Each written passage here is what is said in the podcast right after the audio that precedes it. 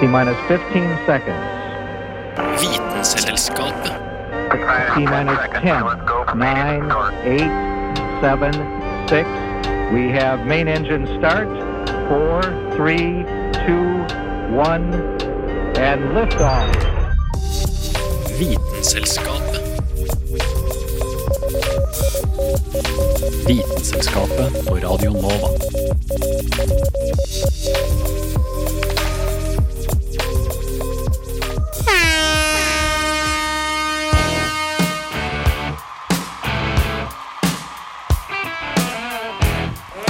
Are you ready to rumble? Få framstår vel som tøffere enn MMA-slåsskjemper. Hardtslående, badasse, unølende, nådeløse hardhauser. I dag stiller oss oss i publikum for å skue på de tøffeste av de tøffe. Hva er den perfekte testeren av slagferdighet? Altså verdens hardeste grunnstoff. Hvor får vi materiale til å logge verdens farligste våpen? Oss overraskende tøff. Jeg heter Carl Adams Kvam og leder det gjennom Vitenselskapet sin Badass spesial. Hold fast på popkornet, åpne øynene vidt i beundring og gjør deg klar til å få en støkk. Vitenselskapet. Vitenselskapet på Radio Nova. Både dyr og mennesker kan være tøffe, men det kan òg material. Hvem er kongen av de seige og harde? Det er på tide med ei kåring.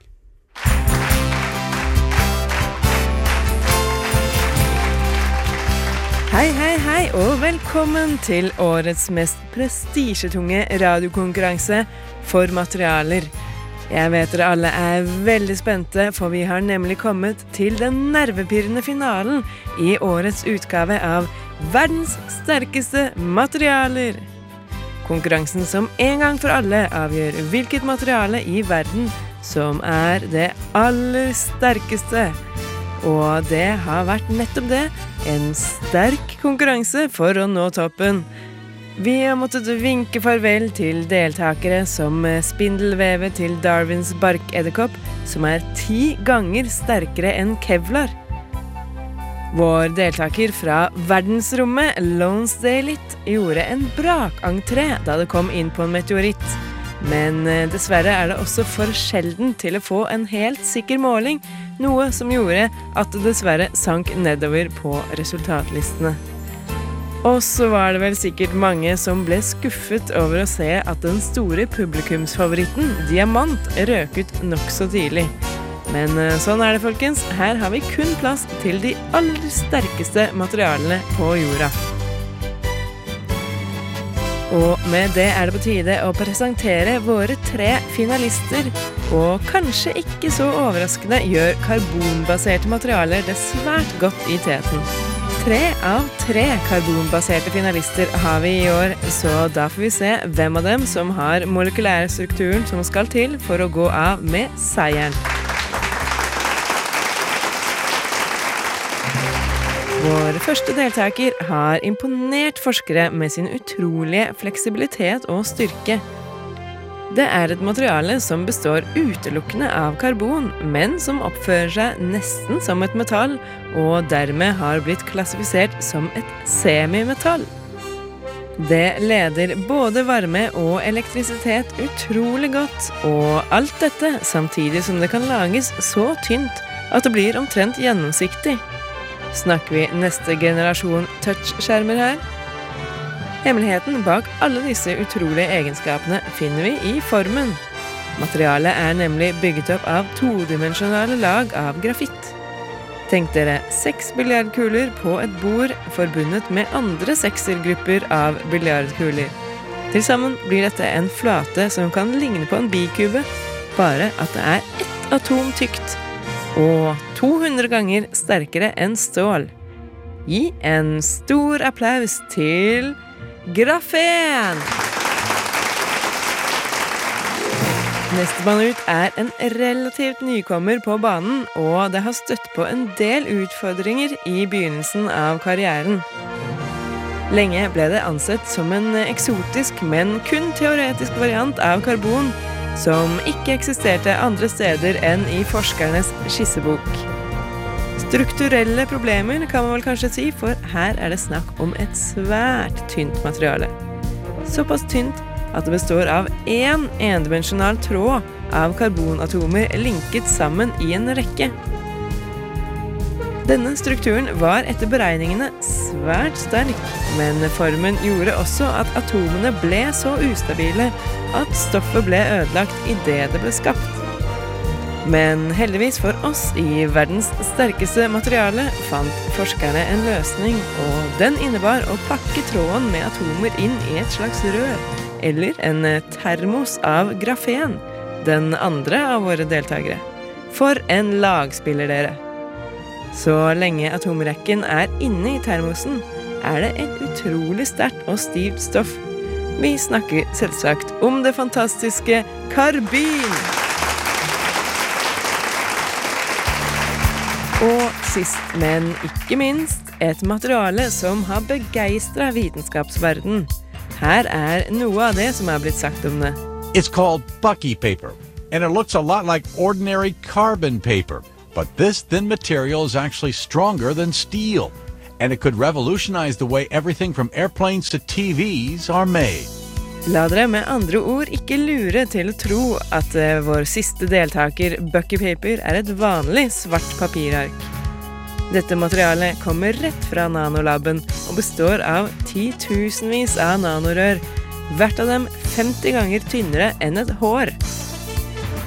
Dette sterke materialet kan potensielt brukes som rustning, eller legges utenpå fly for å gjøre dem sterkere og mer beskytta mot lynnedslag. Det kan til og med brukes til å dyrke biomateriale på, sånn som nerveceller. Så la oss få en applaus for vår siste finalist, Bucky Paper.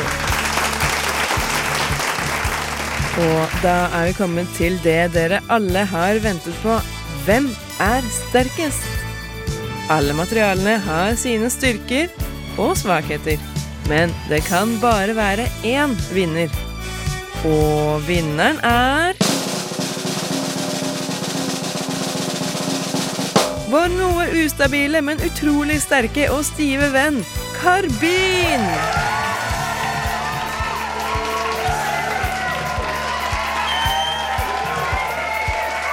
Og med det takker vi for oss her i verdens sterkeste materiale. Karbyn kunne dessverre ikke være her og motta prisen, da det er nødt til å ligge inni grafentermosen sin for å overleve. Men oss veit at oss har det med oss i de harde, harde hjertene våre. Programleder for denne konkurransen var, som alltid, Kristin Grydeland. Hæla i taket med Vitenselskapet.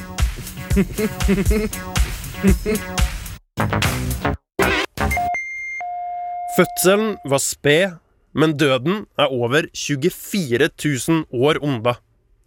Stoffet som får de tøffeste verdenslederne til å skjelve i buksa. Høyr etter de pingler. Ved juletider i 1940 gjør forskerne ved universitetet i Berkeley, California, en banebrytende oppdagelse.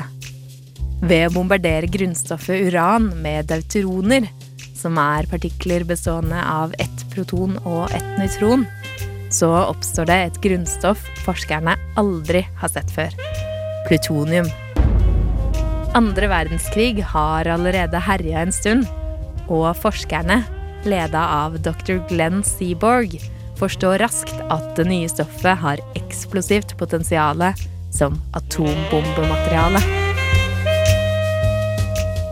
Gjennom Manhattan-prosjektet får Seaborg og de andre forskerne i oppgave å videre utforske hvordan plutonium kan tas i bruk i atombomben. Problemet er bare at de nesten ikke har noe materiale å jobbe med. Mengden plutonium som var skapt i forsøkene, er så liten at det ikke engang er mulig å se stoffet med det blotte øyet.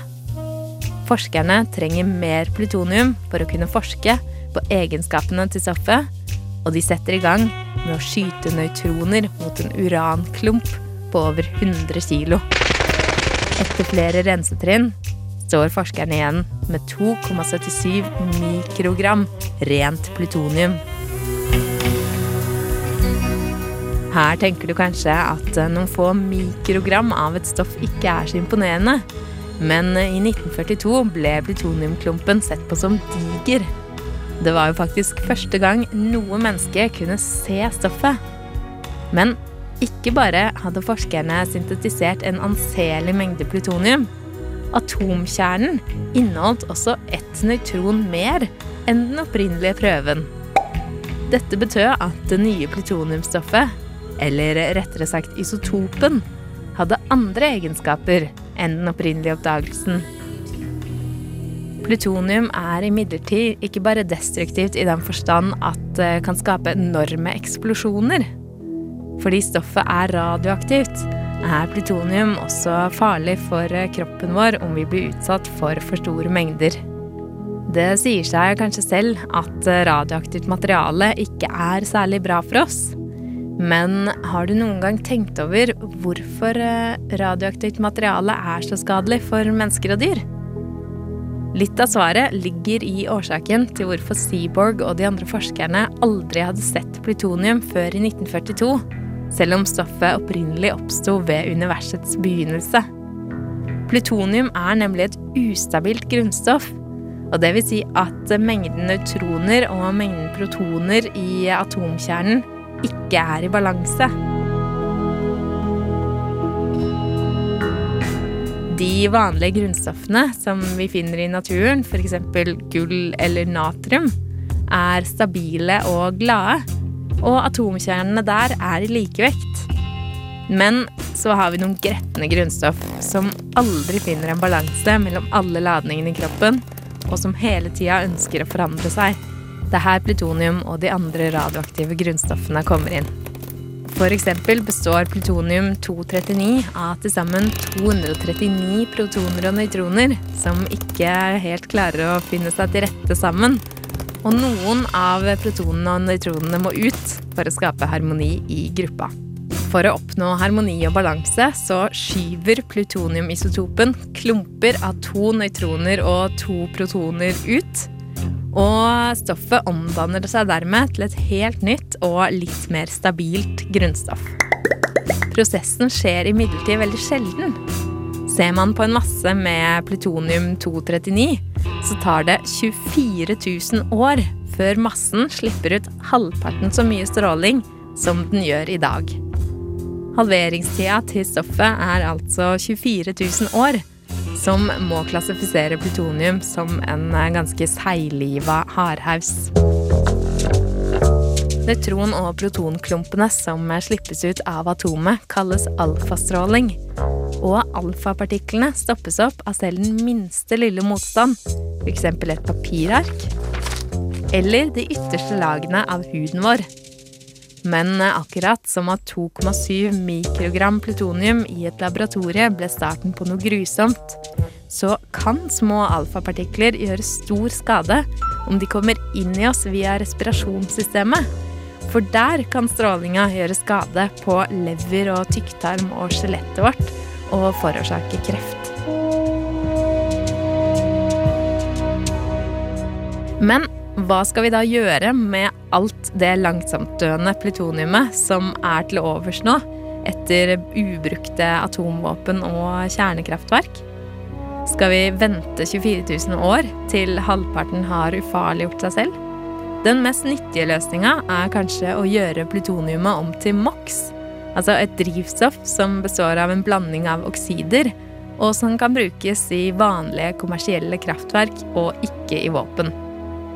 MOX-metoden er imidlertid nokså dyr, så bl.a. USA ser nå på muligheten for å heller blande plutoniumet med bl.a. tykningsstoffer, og rett og slett begrave det. Navnet på plutoniumblandinga er stjernestøv. Om navnet hinter til de mikroskopiske mengdene som ble framstilt i 1942, eller det lange livet til plutonium, forblir imidlertid en ukjent del av denne historien.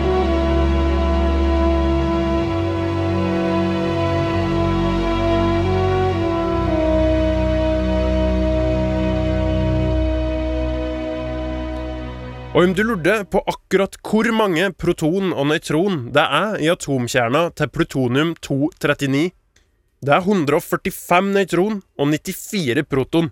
Nerd. Hun som laga denne saken, og har ei halveringstid på ca. 50 år, heter Hanne Grydeland. Å vite vet Vitenselskapet.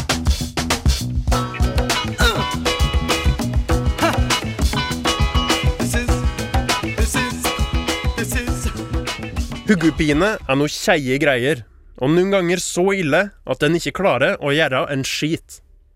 Men ekte hardhauser bryr seg ikke.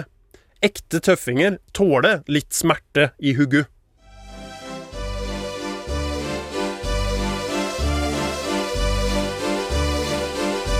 På midten av 1800-tallet i USA var eh, jernbaneutbyggingen i full gang. Og på denne tiden jobbet en mann med navn Phineas Gage, som var ansvarlig for den gruppen av arbeidere som drev med sprenging. Altså grunnarbeidet før selve jernbanelinjen ble lagt ned i bakken. Det som ble gjort av disse arbeiderne, var å bore et hull i bakken eller berget, fylle dette hullet med sprengstoff, tømme sand over og pakke det hele kompakt sammen med en jernstang. Sånn at hele sprengseansen var kontrollert. 13.9.1848 er en tilsynelatende vanlig dag på jobb. Phineas Gage gjør jobben sin med å gjøre klar for sprenging av berg. Og det eneste som mangler, tror han da, er å stappe dette sprenghullet med jernstangen. Det er litt usikkert om Gage selv var distrahert, eller om en av assistentene hans hadde glemt å fylle hullet med sand. Men når Gage skulle bruke denne jernstangen, ble sprengstoffet antent, og jernstangen ble skutt tvers gjennom hodet på han.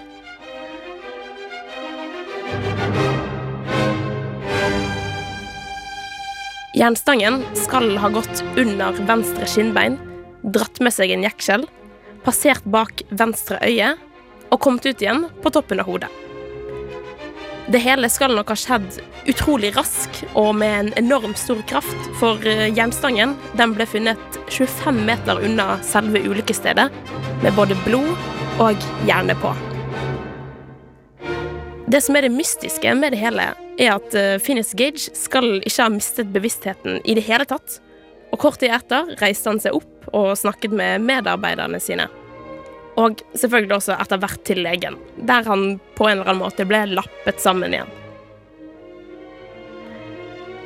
Et halvt års tid etter ulykken så skal han ha virket fysisk frisk og slik som før. Bortsett fra én ting, og det var at personligheten hans hadde blitt totalt forandret. Det finnes ganske lite kilder på hvordan Gage sin personlighet var før ulykken, men siden han hadde en relativt høy stilling i jernbanebyggingen, kan man jo tenke seg at han var en hardtarbeidende fyr. Men etter hjerneskaden så klarte han ikke lenger å holde avtaler. Han klarte heller ikke å styre temperamentet sitt, og han oppførte seg ganske rart i sosiale settinger. Det sies også at han også hadde blitt direkte slem og såret folk rundt seg. Og de som står nærmest, skal ha sagt at dette var ikke den Phineas de kjente. Tolv år etter eh, hendelsen døde han etter en rekke epileptiske anfall. Men til tross for den tragiske ulykken og den triste slutten på livet hans, så har dette eksempelet gjort at hjerneforskere har klart å kartlegge at mye av personligheten til en person ligger nettopp her i den fremre delen av hjernen, altså pannelappen.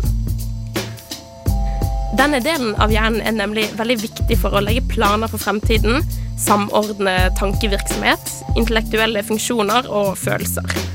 Og en skade her, sånn som Gage fikk, vil gi personlighetsforstyrrelser.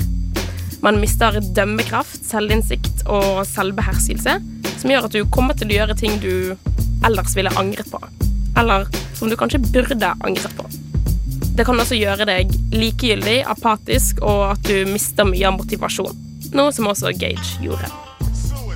Før i tiden var nemlig oppfatningen om at personligheten til en person var noe uangripelig og ikke fysisk. Men denne ulykken til Gage viste hvilke konsekvenser en hjerneskade i pannelappen kunne ha. Og i dag har ulykken til Finnish Gage nesten fått en legendestatus innenfor neurovitenskap og psykologi.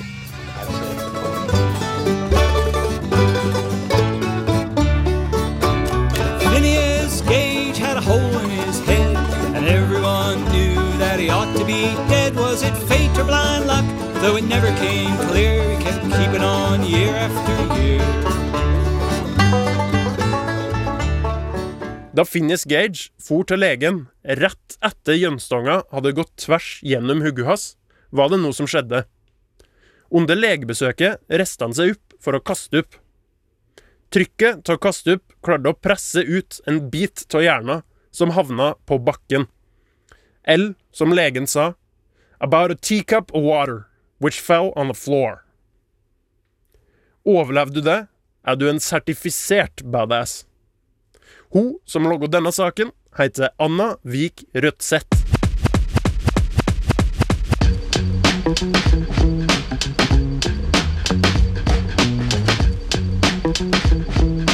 Vite nytt. Det du trenger å vite. Ja, da har jeg fått eh, Dag inn i studio her. Og Dag, du er jo en belest mann. Du kan eh, mye om hva som beveger seg i vitenskapens verden.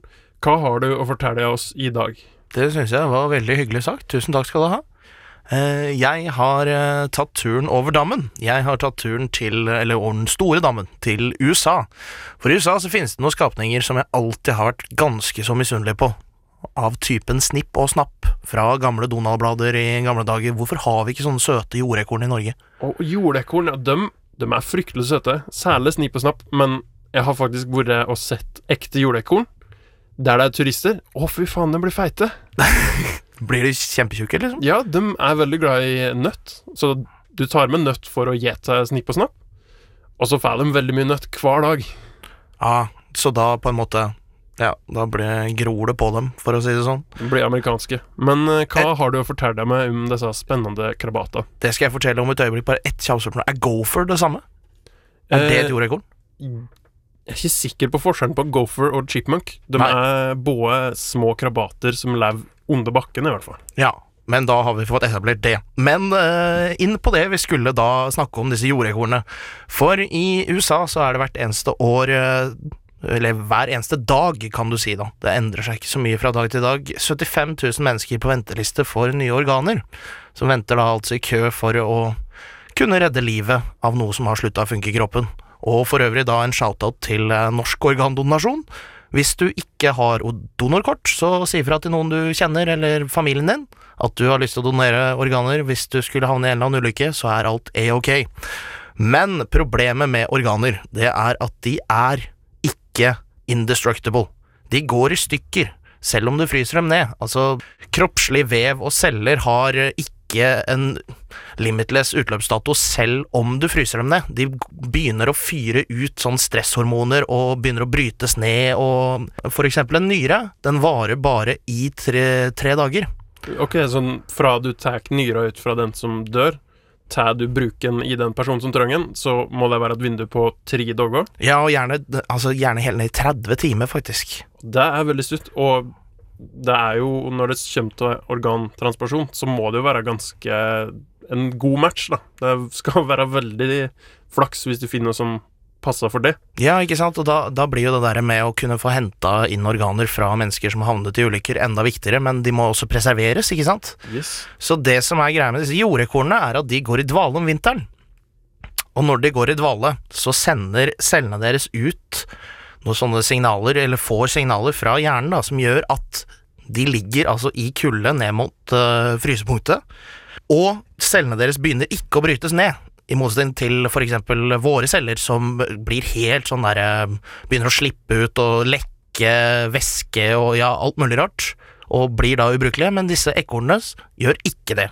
Så det man prøver nå, er å skape ekornmenn, eller ekornfolk. Man prøver å spleise, altså ta disse egenskapene fra, altså finne ut hva som gjør at cellene til ekornene tåler dette her, og sprøyte det inn da i menneskeceller som gjør at vi også kan ha organer for eksempel som tåler å bli frysende over mye lengre tid. Og dermed så blir ikke den derre, hvis vi får frysende med, ned med en gang da, så blir det mer organer ute og går. Ja, da, det høres ut som det løser veldig stor del av problemet med organdonasjon, hvis det er sånn at du har 30 timer før det blir ubrukelig. Ja, det er nettopp det. Tusen takk til deg, Dag, for at du kom i studio.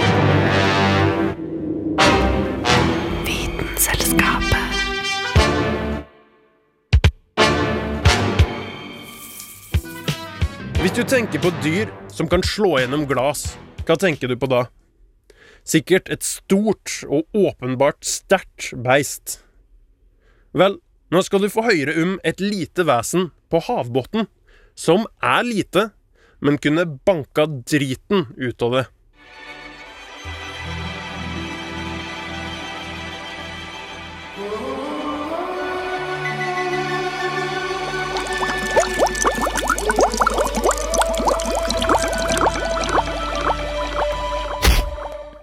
Har du hørt om Odontodactylus skylarus? Dette er ei reke som vi på norsk kan kalle enten knelereke, sjøknelere eller påfuglreke, og den tilhører krepsefamilien. Denne reka er ikke som alle andre reker, og heller ikke som andre dyr for den saks skyld. Ikke engang tenk deg å ha den i et akvarie, for den kan faktisk slå igjennom glasset. Denne slagteknikken er også noe den bruker på byttedyr. Den knuser skall og det som trengs for å drepe og spise.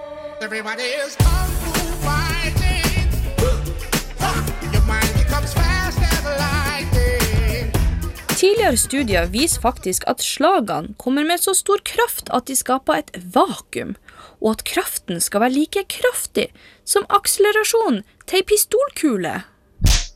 Når den slår, produserer slaget ei kraft på opptil 1500 newton. Hvis du søker opp 'Mantis Shrimp Destroys Clam' på YouTube, så skjønner du hva det er snakk om.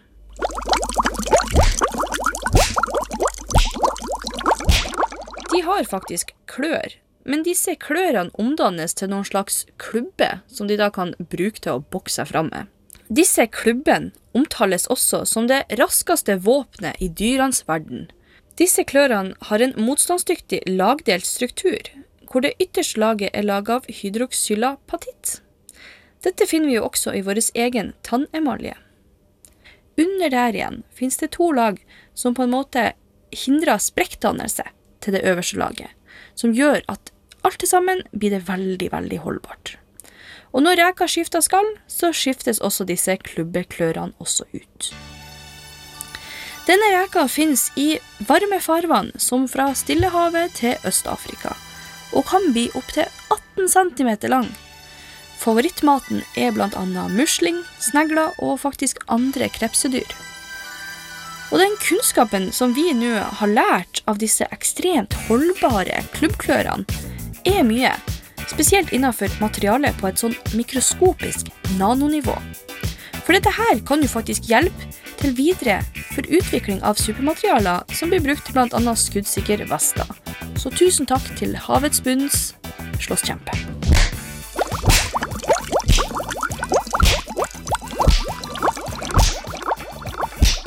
Tøffingen bak dette innslaget var Ida Katrine Vassbotn.